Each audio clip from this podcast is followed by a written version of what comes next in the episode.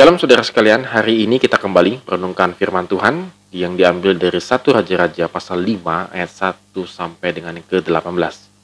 Saudara, mari tetap membaca keseluruhan perikop ini sehingga kita bisa mendapatkan pemahaman yang tepat untuk merenungkan firman Tuhan pada hari ini.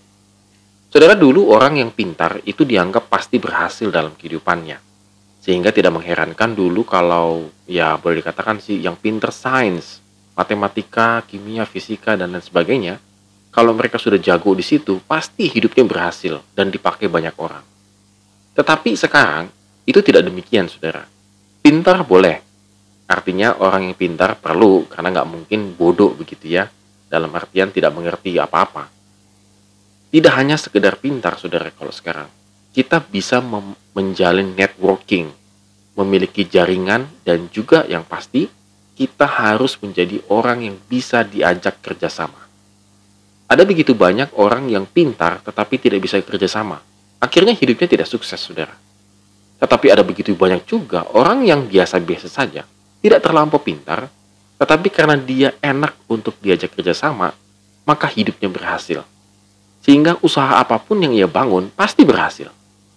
Saudara, kalau kita mulai merenung-renung gitu ya, kenapa ya bisnis saya itu kok seret gitu ya, biar kenapa pekerjaan itu kok saya sulit. Jangan-jangan kita adalah termasuk orang yang sangat sulit untuk kerjasama. Berbeda dengan Salomo. Salomo mendapatkan hikmat dari Tuhan dan dia mengirimkan surat kepada Raja Tirus.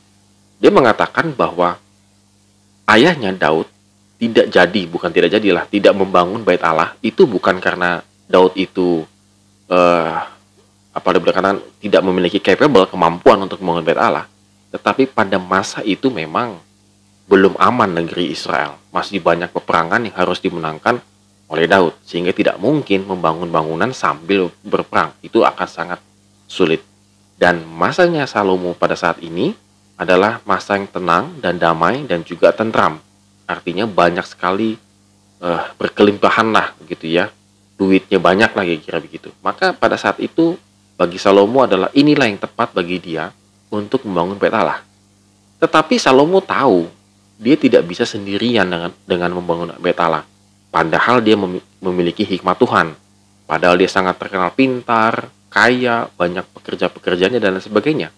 Tetapi dia sadar dia membutuhkan yang namanya Raja Tirus. Di ayat yang keenam dikatakan begini, Sebab engkau tahu bahwa di antara kami tidak ada seorang pun yang pandai menebang pohon sama seperti Sidon, orang Sidon Saudara aneh ya, nebang pohon kok nggak bisa begitu ya. Tidak seperti orang Sidon. Saya juga nggak tahu saudara bagaimana cara mereka menebang pohonnya begitu ya. Pada masa itu gitu ya. Padahal menebang pohon, apa sih susahnya menebang pohon? Tetapi saya yakin itu cara menebang pohonnya ada teknik khusus.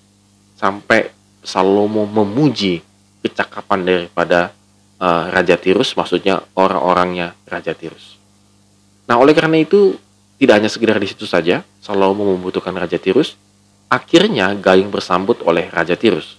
Dan dikatakan di ayat yang ke-12, dan Tuhan memberikan hikmat kepada Salomo seperti yang dijanjikannya kepadanya, maka damai pun ada antara Hiram dan Salomo, lalu mereka berdua mengadakan perjanjian. Nah, di sini juga dikatakan bahwa Salomo mengadakan sebuah perjanjian yang sangat baik. Nah, saudara sekalian, di sini kita bisa melihat bahwa hikmat untuk bekerja sama itu sangat diperlukan dalam kehidupan ini. Sekelas Raja Salomo saja itu memerlukan hikmat kerjasama. Dia hebat, dia pintar, dia kaya, dia punya banyak pasukan, pekerjaan, rakyat, dan lain segala macam. Dia pun harus bekerja sama. Apalagi kita, saudara sekalian.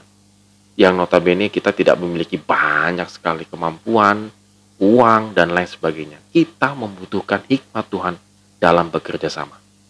Oleh karena itu, saudara sekalian, mari kita renungkan kembali firman Tuhan ini dalam kehidupan kita. Kenapa hidup saya begini-begini saja, flat-flat saja?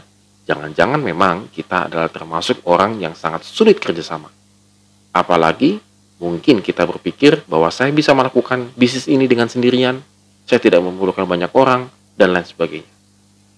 Oleh karena itu, saudara sekalian, jika ingin ingin hidup kita berhasil, maka mintalah hikmat Tuhan untuk kita bisa bekerja sama. Amin. Tuhan Yesus memberkati kita hari ini.